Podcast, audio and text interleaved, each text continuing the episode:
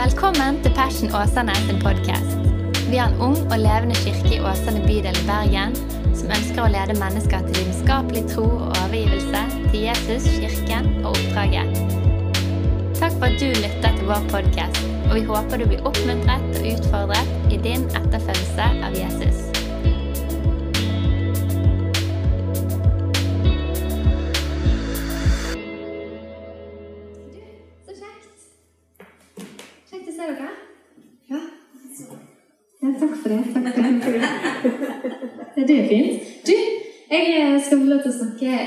På sånn som Bodil sa, med tema nummer tre i dag, med eh, alfa.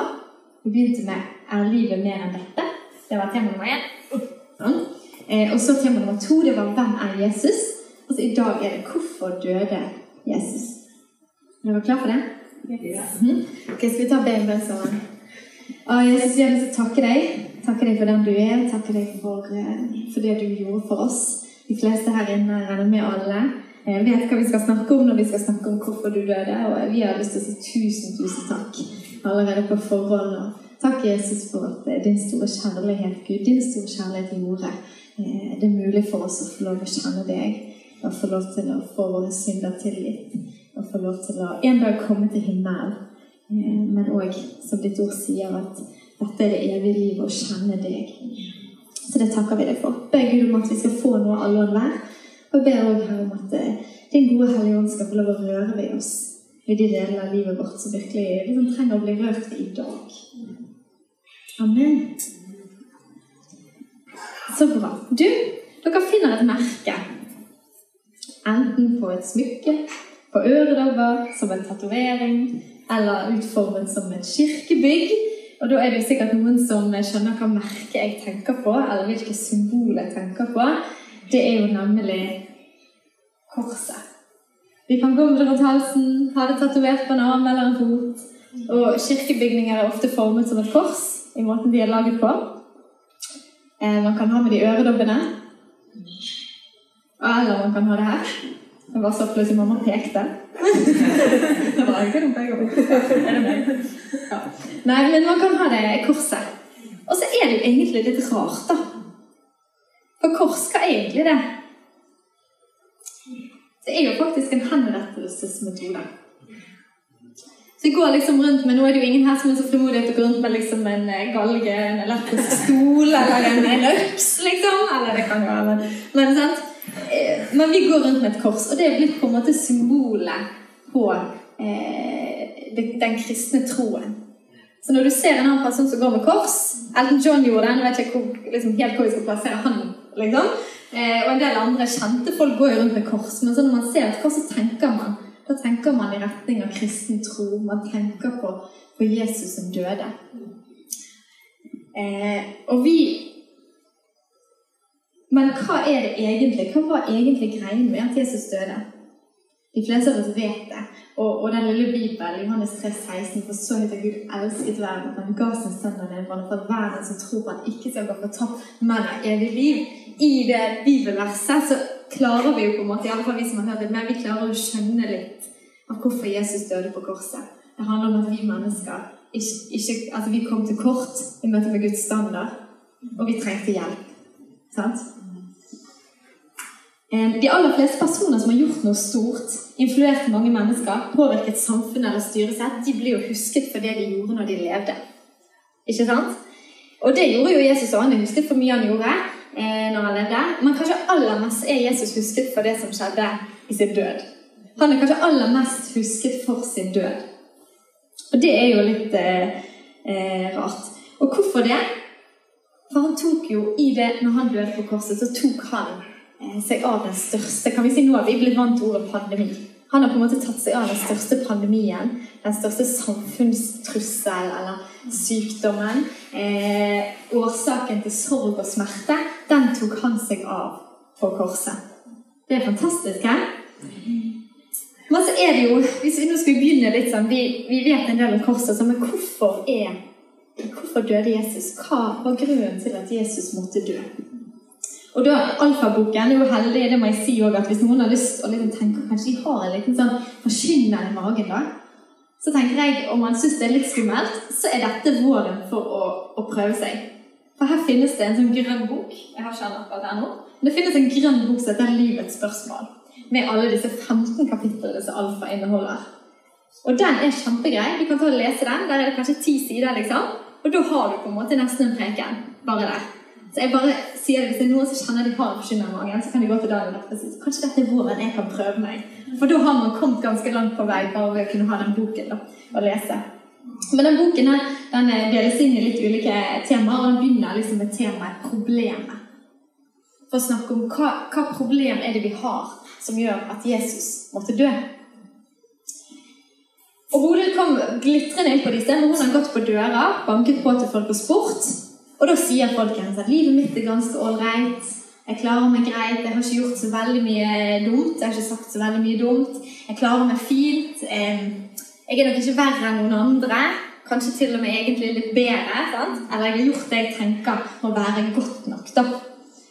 Eh, og hvis vi er ærlige med oss sjøl, så tror jeg vi tenker det av og til, vi òg i gitte situasjoner tenker vi ja, ja. Og det kan vi jo gjøre. Sant? Noen ganger er pappa jobbet en gang i et firma der mottoet var 'godt nok'.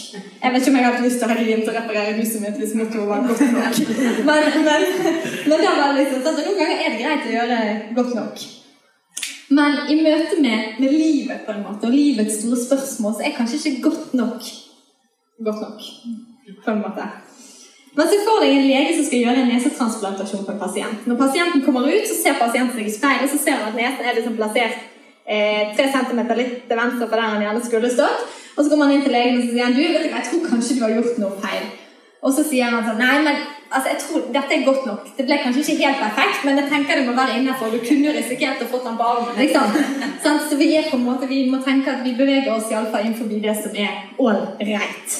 Sant? Men i møte med Guds standard, da, hvis vi tar, drar det opp mot, mot, mot tro, så er på en måte godt nok er faktisk ikke godt nok. Det er ikke å bare tenke at ja, eh, i møte med Guds standard så er det sånn Ok, jeg klarer meg sånn cirka greit, men det er faktisk, da når vi ikke opp til det som er Guds standard. Og da har vi faktisk et problem. Og jeg møtte eh, noen for et par dager siden som hadde et problem. Og jeg må smile litt av det, for de var veldig søte. Vi og Kristin var ute på tur. Eh, og så litt sånn bak oss så hørte vi plutselig noen som var litt sånn lettere paniske gråt og syntes at livet bare var Vi bare sånn Hva skjer her, liksom? Og så snudde vi oss, og der kommer det noen jenter på ca. jeg tipper sånn ti år. Eh, og de gråt høylytt. Og, og, vi spurte de hva som hadde skjedd, og da hadde de eh, en hund. Eller ja, det var rett å si, de hadde en hund. Eh, for det de sto igjen med i hånden, det var et bånd. Så de hadde en hund. og ikke bare det, de hadde mistet en hund, men i tillegg så hadde ikke ikke deres hund.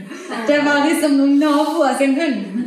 Og de gikk rundt og lette etter denne hunden og ropte på den og syntes at det var jo helt forferdelig. De visste ikke hva de skulle gjøre.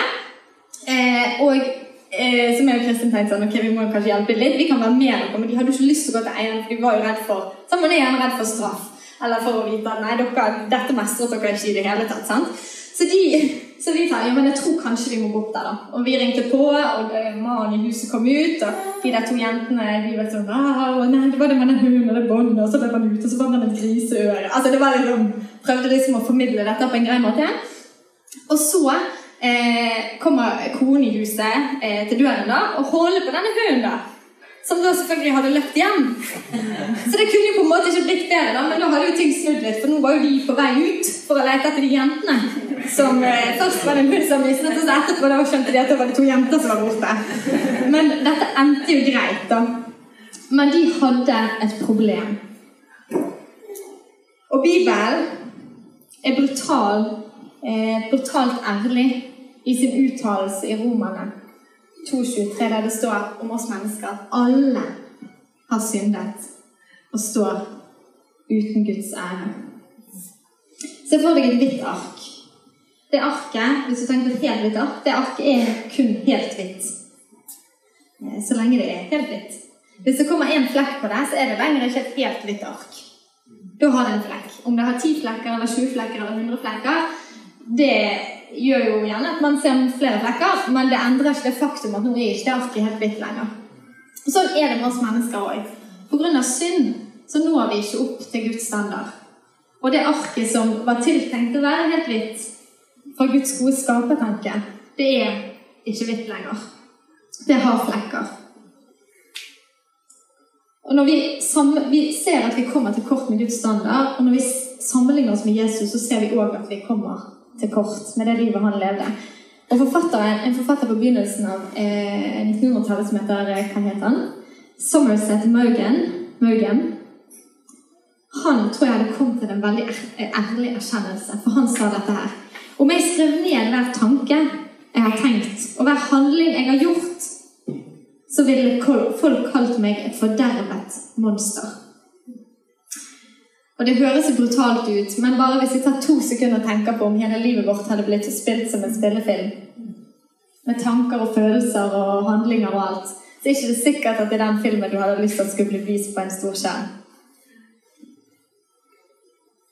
For vi kommer til kort. Så vi befinner oss alle i samme båt. Og da kan man velge å si eh, 'hjelp', denne båten er forferdelig. Eller så kan man tenke og si sånn 'ok, vi er alle i samme båt, har det da noe å si?' På en måte. Men ja, det har det. For dette er snakk om en evighet, og det er snakk om eh, livet vårt. Og så tar eh, Alfa-boken opp noen sånne konsekvenser av synd. For vi har et problem, og det heter synd. Og synd har konsekvenser. Og hvilke konsekvenser har synd? Blant annet så står det i Markus om den eh, I boken så er det kalt det syndens forurensning. Og Der snakker jeg i Markus om, om, det som kommer ut av menneskehjertet, ut av livene våre. Der står det hor, tyveri, mord, ekteskapsbrudd, grådighet, ondskap, svik, utskeielser, misunnelige øyne, spott, hovmod, vettløshet. Alt dette kommer innenfra og gjør mennesket urent. Hvis dere, jeg, skal, jeg kan røpe hva jeg holder på med. Nå holder vi på en måte på å ikke gjøre selvtilliten så mye bedre. Men det skal vi gjøre etterpå. Så bare hvis dere føler liksom at vi er på vei nedover, så er vi på en måte på vei nedover. Men vi skal opp igjen, folkens. Så det går bra. Men hvis du har for eksempel, så hvis man tenker da Ok, jeg gjør jo kanskje noen av disse tingene, har kanskje tenkt på noe av dette men stort sett ikke så mye av det, kan vi tenke. Men da er det sånn. De ti bud det er ikke et sånt eksamensoppgave med forslag sånn Velg tre av ti, og så kan du få full pott. Hadde ikke det vært grådig greit? Det hadde vært supert. Da tok jeg de tre som jeg syntes virket lettest, og så kunne jeg, hvis det gikk litt skeis på alle andre, så gjorde ikke noe, for læreren merket ikke på måte. Det var bare de tre oppgangene du lærte inn. Men ikke kunne noen ting på de syv siste. Men så er det sånn at Bibelen sier òg at hvis du har brutt ett, noe av loven, én ting, så er du skyldig i hele. Det er som, eh, han brukte, Den boken brukte også et eksempel med førerkort. Jeg ble sittende og tenke på det. Men et førerkort, f.eks., kan du enten ha et prikkløst førerkort, eller så har du et førerkort med prikker. Og du kan liksom ikke ha noe innimellom det. Og så måtte jeg tenke jo, går det an? Det er nesten prikkfritt førerkort. Men det går faktisk ikke an, for da må du nesten ha en prikk Eller det ikke har en prikk. Så det går på en måte ikke an å ha et nesten prikkfritt førerkort. Det er en av delene. I tillegg så snakker boken og Bibelen snakker om syndens makt over livene våre. Og Det er òg en konsekvens av synd, en del av vårt problem. Har dere Hove Berger, pastor Kristin, har brukt et glitrende eksempel på det. Han sier at synd kan være som en liten løvunge. Ikke løvunger søte. De er supersøte. Så tar du det inn inn i huset ditt, så klapper du på dem, så koser du litt med dem. Og hvis de prøver å bite deg litt, så går det fint, for det er ikke så veldig hardt. sant? Og så koser du masse med dem, så er de supersøte, og du gir dem mat og sånn. Og så på et eller annet tidspunkt da, så er ikke det en løveunge lenger. Da er det en fullvoksen løve. Og den er ikke så veldig lett å få ut. Med mindre han har lyst til å gå ut sjøl. Det har han jo sjelden hvis vi overfører det til søndag. Så det, da, da sitter vi igjen da med plutselig noe som kanskje i begynnelsen man tenker dette går fint, eller eh, det er ikke noe problem, og så på et eller annet tidspunkt så har den fullstendig makt over livet ditt. Da. Og det tror jeg vi kan kjenne igjen alle, enten om det er handlinger eller om det er tankemønstre. Sikkert begge deler for livet vårt? Så kan man kjenne at, at, at, selv om man vet, og selv om man kanskje ikke har lyst heller til å på en måte ha en relasjon til synd, så kan det henge sånn fast ved en noen ganger. At man liksom bare tenker jeg får ikke denne løven ut av liksom stuen min. Jeg bare begynner å brøle, og så går jeg og gjemmer meg litt i et hjørne. Eller et eller annet sånt. Og så snakker Bibelen Ja, det har jeg også lyst til å si. Bibelen snakker masse om frihet. Og verden da snakker også masse om frihet. Men det er to ganske ulike typer for frihet. For I dag i verden så snakker vi om, om en frihet som er sånn Jeg kan være hvem jeg vil. Jeg kan gjøre hva jeg vil. Ingen bestemmer over meg. Sånn type frihet. Men det er ikke en sånn frihet Bibelen snakker om. Bibelen snakker om å være fri fra syndens slaveri. De tingene som holder oss fast, som undertrykker oss. Og så leve i tråd med den gode planen som Gud har for livene våre. Og leve, få lov å leve i det designet som Han har skapt oss til å leve i. det. Punkt nummer tre. Det er fire liksom, konsekvenser av synd som den boken løfter opp. da. Men det er syndens straff. Nå har vi snakket om forurensningen av alle tanker og sånt som kan komme inn. At ting kan få makt over oss. Men òg syndens straff. Bibelen er veldig tydelig på at, at eh, syndens lønn er døden. Så konsekvensen av synd er død. Det er ikke pga. Gud har lyst til å straffe noen mennesker som pga. han har lyst til å straffe oss, liksom, Bodil eller meg. Eller sånn. men, men, han har straffa synd. Og det henger òg sammen med eh, at Gud er rettferdig. Han kan ikke gå på akkord med den han er. Gud er hellig, Gud er ren, Gud er hel.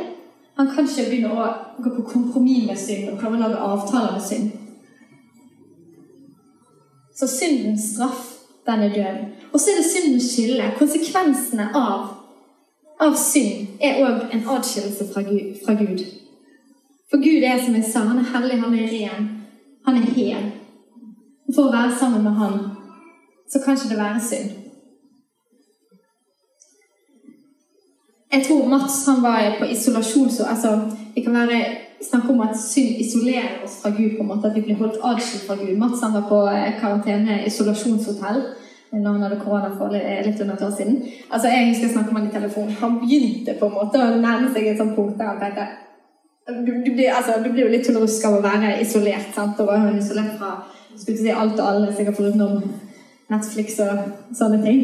Men, men, det å være isolert, det kjenner vi til i koronatiden. Det er jo ikke noe kjekt i det hele tatt. Og, og, det Bibelen snakker om, er jo enda verre. Det er jo isolasjon vekk fra Gud. En adskillelse fra Gud. sant? Og Gud, så er Gud det Hva er det som står? Alt godt og fullkommen, all god og fullkommen gave kommer fra Gud. sant? Og vi har ikke lyst til å være adskilt fra all god og fullkommen gave. Det har vi lyst til å leve i verden på. Har ikke vi det? Ok, dette var jammen litt dystert, Helene. Ja, det var litt dystert. Det var dystert. Jeg vet ikke om jeg føler meg veldig oppmuntret eller oppbygget av dette her, men jeg kan love at det blir bedre.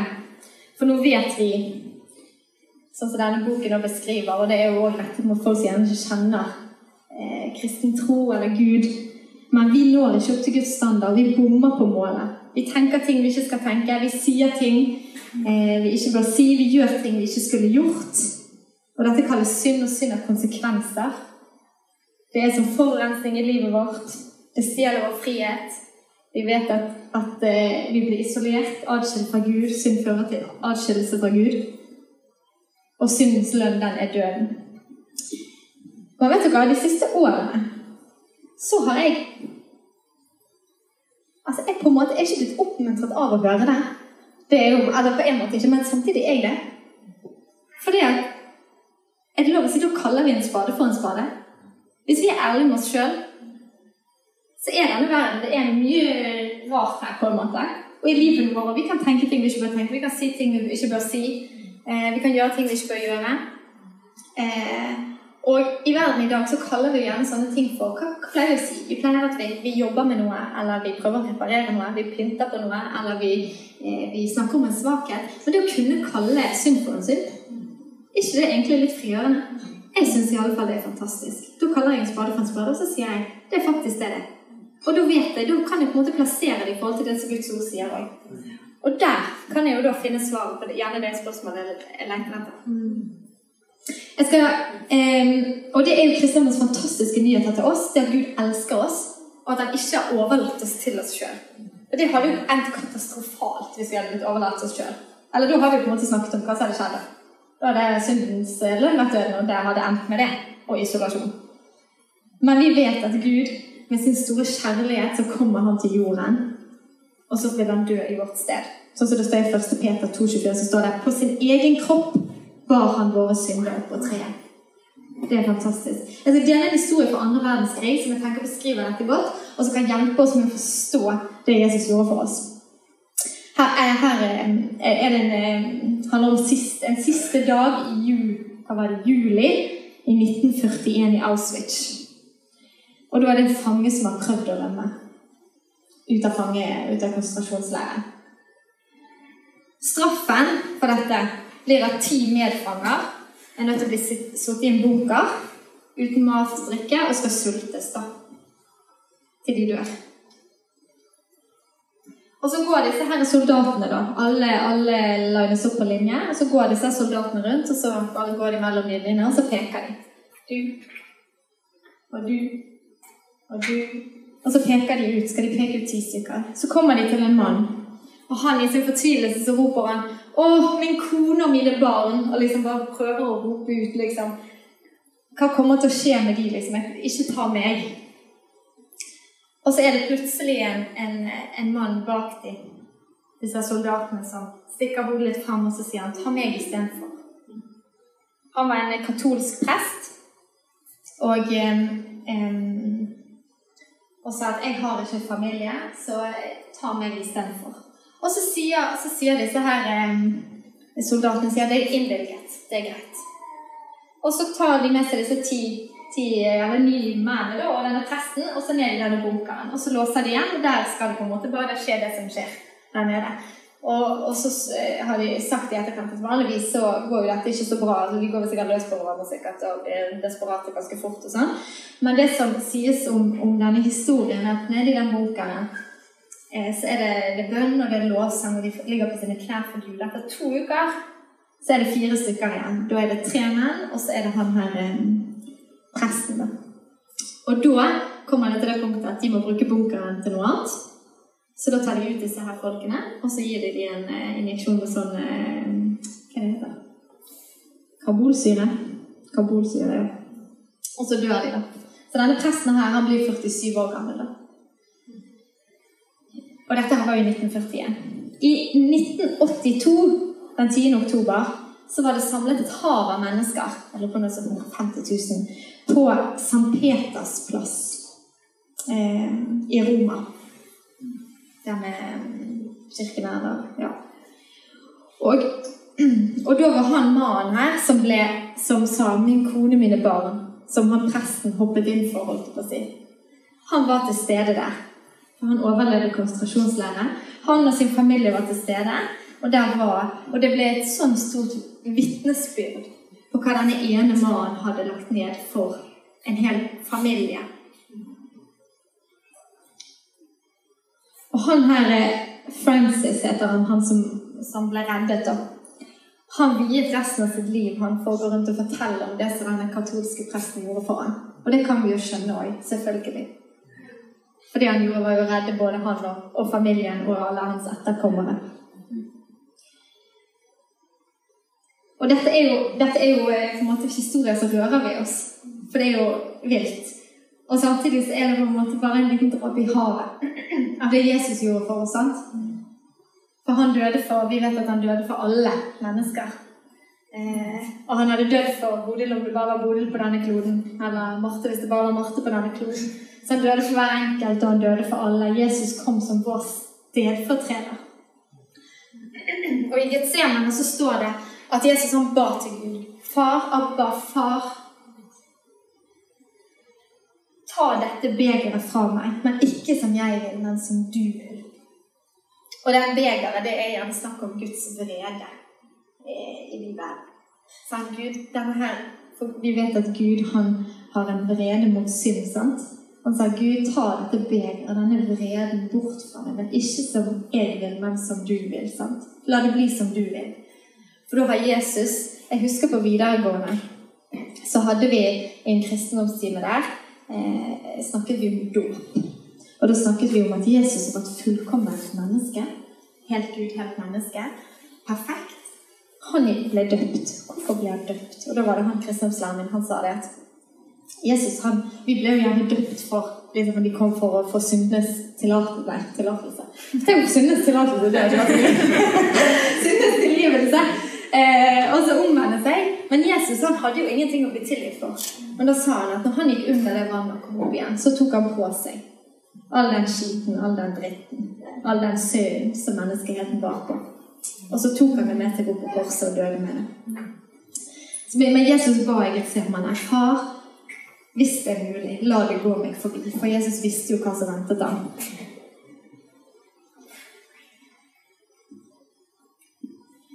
Men så vet vi, og takk Gud for det, og nåde stor, at, det, at Gud ikke lot det gå forbi. Men at det var Guds gode vilje at han skulle få lov til å ta på seg vår skyld og vår synd og vår straff. Og så betalte han for det. Og vi vet hva som skjer videre. I Getsemane. Jesus ble tatt til fange, han ble dømt til døden, han ble pisket og spikret til et kors. Jeg kan si det at I denne boken, grønne boken så står det litt om på en måte liksom, gjerne hvordan de spikret og alle de tingene. Og det er bare, det er ofte det bare ikke med. For det ble på en måte bare for eh, visuelt for min del. Så dette kan dere lese, eventuelt gå og lese sikkert et eller annet på nettet om sånne ting. Um, men alfaboken bruker videre når det kommer til korset, et bilde om en diamant. Og jeg syns det er godt beskrevet. Korset er som en diamant. Du kan se det fra ulike vinkler. Og noen ganger så kjenner du kanskje at du trenger å se det fra denne vinkel, Eller denne vinkel, eller denne vinkel. Og det er i sin skjønnhet og verdifullhet fantastisk. Og det er så altomfattende for våre liv.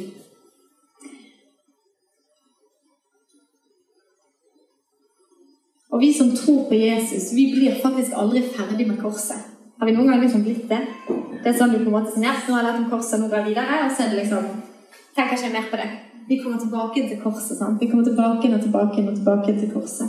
Og vi lever hver eneste dag eh, i det verket som ble gjort på korset. Og det gir oss òg frimodighet. Og så for å bruke noen bare liksom bilder på hva som skjedde på en måte på korset for livet våre. For, eh, altså for jødene så var det jo sånn at de dro jo til tempelet eh, og kjøpte et så fullkomment dyr de kunne, og ofret det for å få tilgivelse. Og så står det jo da i, i hebreerne så står det jo at skal vi se hva som står det, så det sånn, Blod av bukker og okser kan umulig ta bort synder. Men det var et bilde på det som skulle komme, eller på det Jesus gjorde. da. Så Jesus og Johannes, det Johannes ser Jesus, så ser, ser han på Jesus og sier han, se der. Så sier han Guds offerlam, eller Guds lam som bærer verdens synd. Så Jesus han er blitt vårt offerlam. I tillegg kan man bruke eksempelet for eksempel, tidligere. Så, nå er det jo ikke jo da, det er nok vanlig for noen, men i vår, vår, kontekst er det veldig vanlig å bli solgt som slave.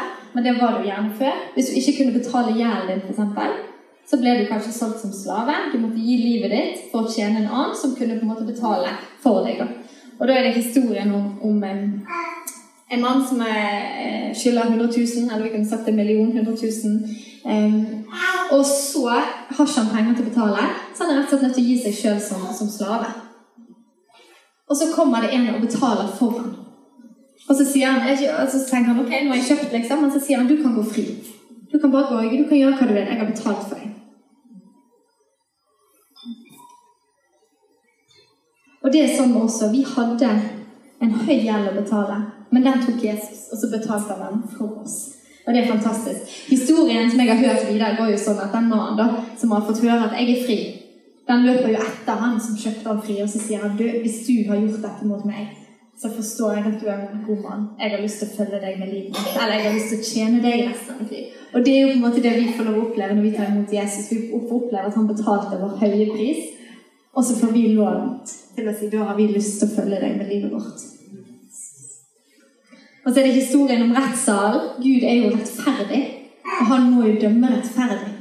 Så det kommer inn da Gud som er, eller mann som er dommer, og så kommer det inn en som han kjenner, som han må dømme. Og da kan han ikke som en rettferdig dommer dømme han fri hvis han har gjort noe som fortjener straff. Og den historien går som følger at da, er det, da sier han 'du dømmes', og så må han betale en høy bot.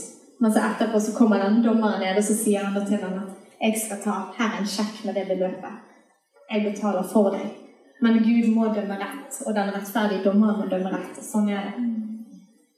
Det siste eksempelet det er fra eh, Hvis vi knytter det opp mot konsekvensen av adskillelse fra Gud, som en, ånd, altså en åndelig død. Så Jesus han døde. Han, eh, Jesus sin død og oppstandelse eh, gjorde at vi kan få lov å ha en relasjon til Gud igjen. ikke det fantastisk? Vi får lov til å oppleve å komme hjem. Hjem er jo òg en av i Passion. Både for oss som fellesskap at vi skal få lov å oppleve dette som hjem, men òg at vi får lov til å oppleve få lov å komme hjem til Gud. At vi får lov å oppleve at vi har en plass hos Han som Han har tiltenkt for oss. Og Det er også i historien fra Lukas 15 der det står om den bortkomne sønnen sånn som vender hjem til far. Sånn som det er for oss. da. Man har, ja, man har rett Vi har rett på draget. Man har gjort noe man ikke skulle gjort. Og så opplever vi at Gud står med åpne armer. Og han kan stå med åpne armer pga. at Jesus har betalt for den veien, sånn som, sånn som Bodil delte om, at Jesus er veien, sannheten og livet. Sånn at han er veien hjem til Gud. Ikke fantastisk? Helt avslutningsvis Det synges i en sang av Paul eh, Grønseth. Jeg tror jeg har sikkert sagt den her før, men den er sånn En evighet blir altfor kort til å si takk for alt som du har gjort. Hva kan jeg si til deg? Hva kan jeg gi til deg? Mens jeg gikk min egen vei, var dine armer strukket ut mot meg. Du overgår alt jeg vet. Grenseløs kjærlighet. Og det er fantastisk. Tenk at din evighet den kommer faktisk til å være for kort. Til å kunne si takk for alt som Jesus har gjort for oss. Når han døde på korset, så vant han over døden. Han vant over synden. Sånn at vi kunne få lov å leve i det som han vant oss til. Og kunne få lov å leve i frihet. Kunne få lov å leve i frelse. Kunne få lov å en dag komme hjem til himmelen. Og det Jesus har gjort for oss, er som en sånn diamant som vi stadig kommer tilbake til. Som jeg tipper mange av oss her har blitt overrasket igjen og igjen av korset. Eller av det Jesus har gjort for oss. Vi har plutselig fått sett ulike sider av det. Og det har møtt oss i ulike situasjoner der vi skjønner oi, det virker en her òg. Det virker en på dette området av livet mitt, og dette området og dette området. Og vi vet at gjennom Jesu døde oppstandelse fikk vi frelse. Vi fikk frihet fra synd. Vi fikk legedom, vi fikk helse. Og nå har jeg tenkt på slutten også at vi skal ta og dele nattverd sammen. For det er jo et minnesmåltid om Jesu død. Det han ga for våre liv. For at vi skulle få lov til å leve og kjenne ham. Takk for at du lyttet til vår podkast. Hvis du synes den var bra, så del den gjerne med noen flere. Vil du vite mer om hvem vi er, hva som skjer, og kanskje besøke en av våre gudstjenester, se vår nye hjemmeside på fashionåsane.no, eller følg oss på sosiale medier. Helt til slutt, ta imot Herrens velsignelse. Herren velsigne deg og bevare deg. Herren la sitt ansikt lyse over deg og være deg nådig. Herren løfter sitt åsyn på deg og gir deg fred.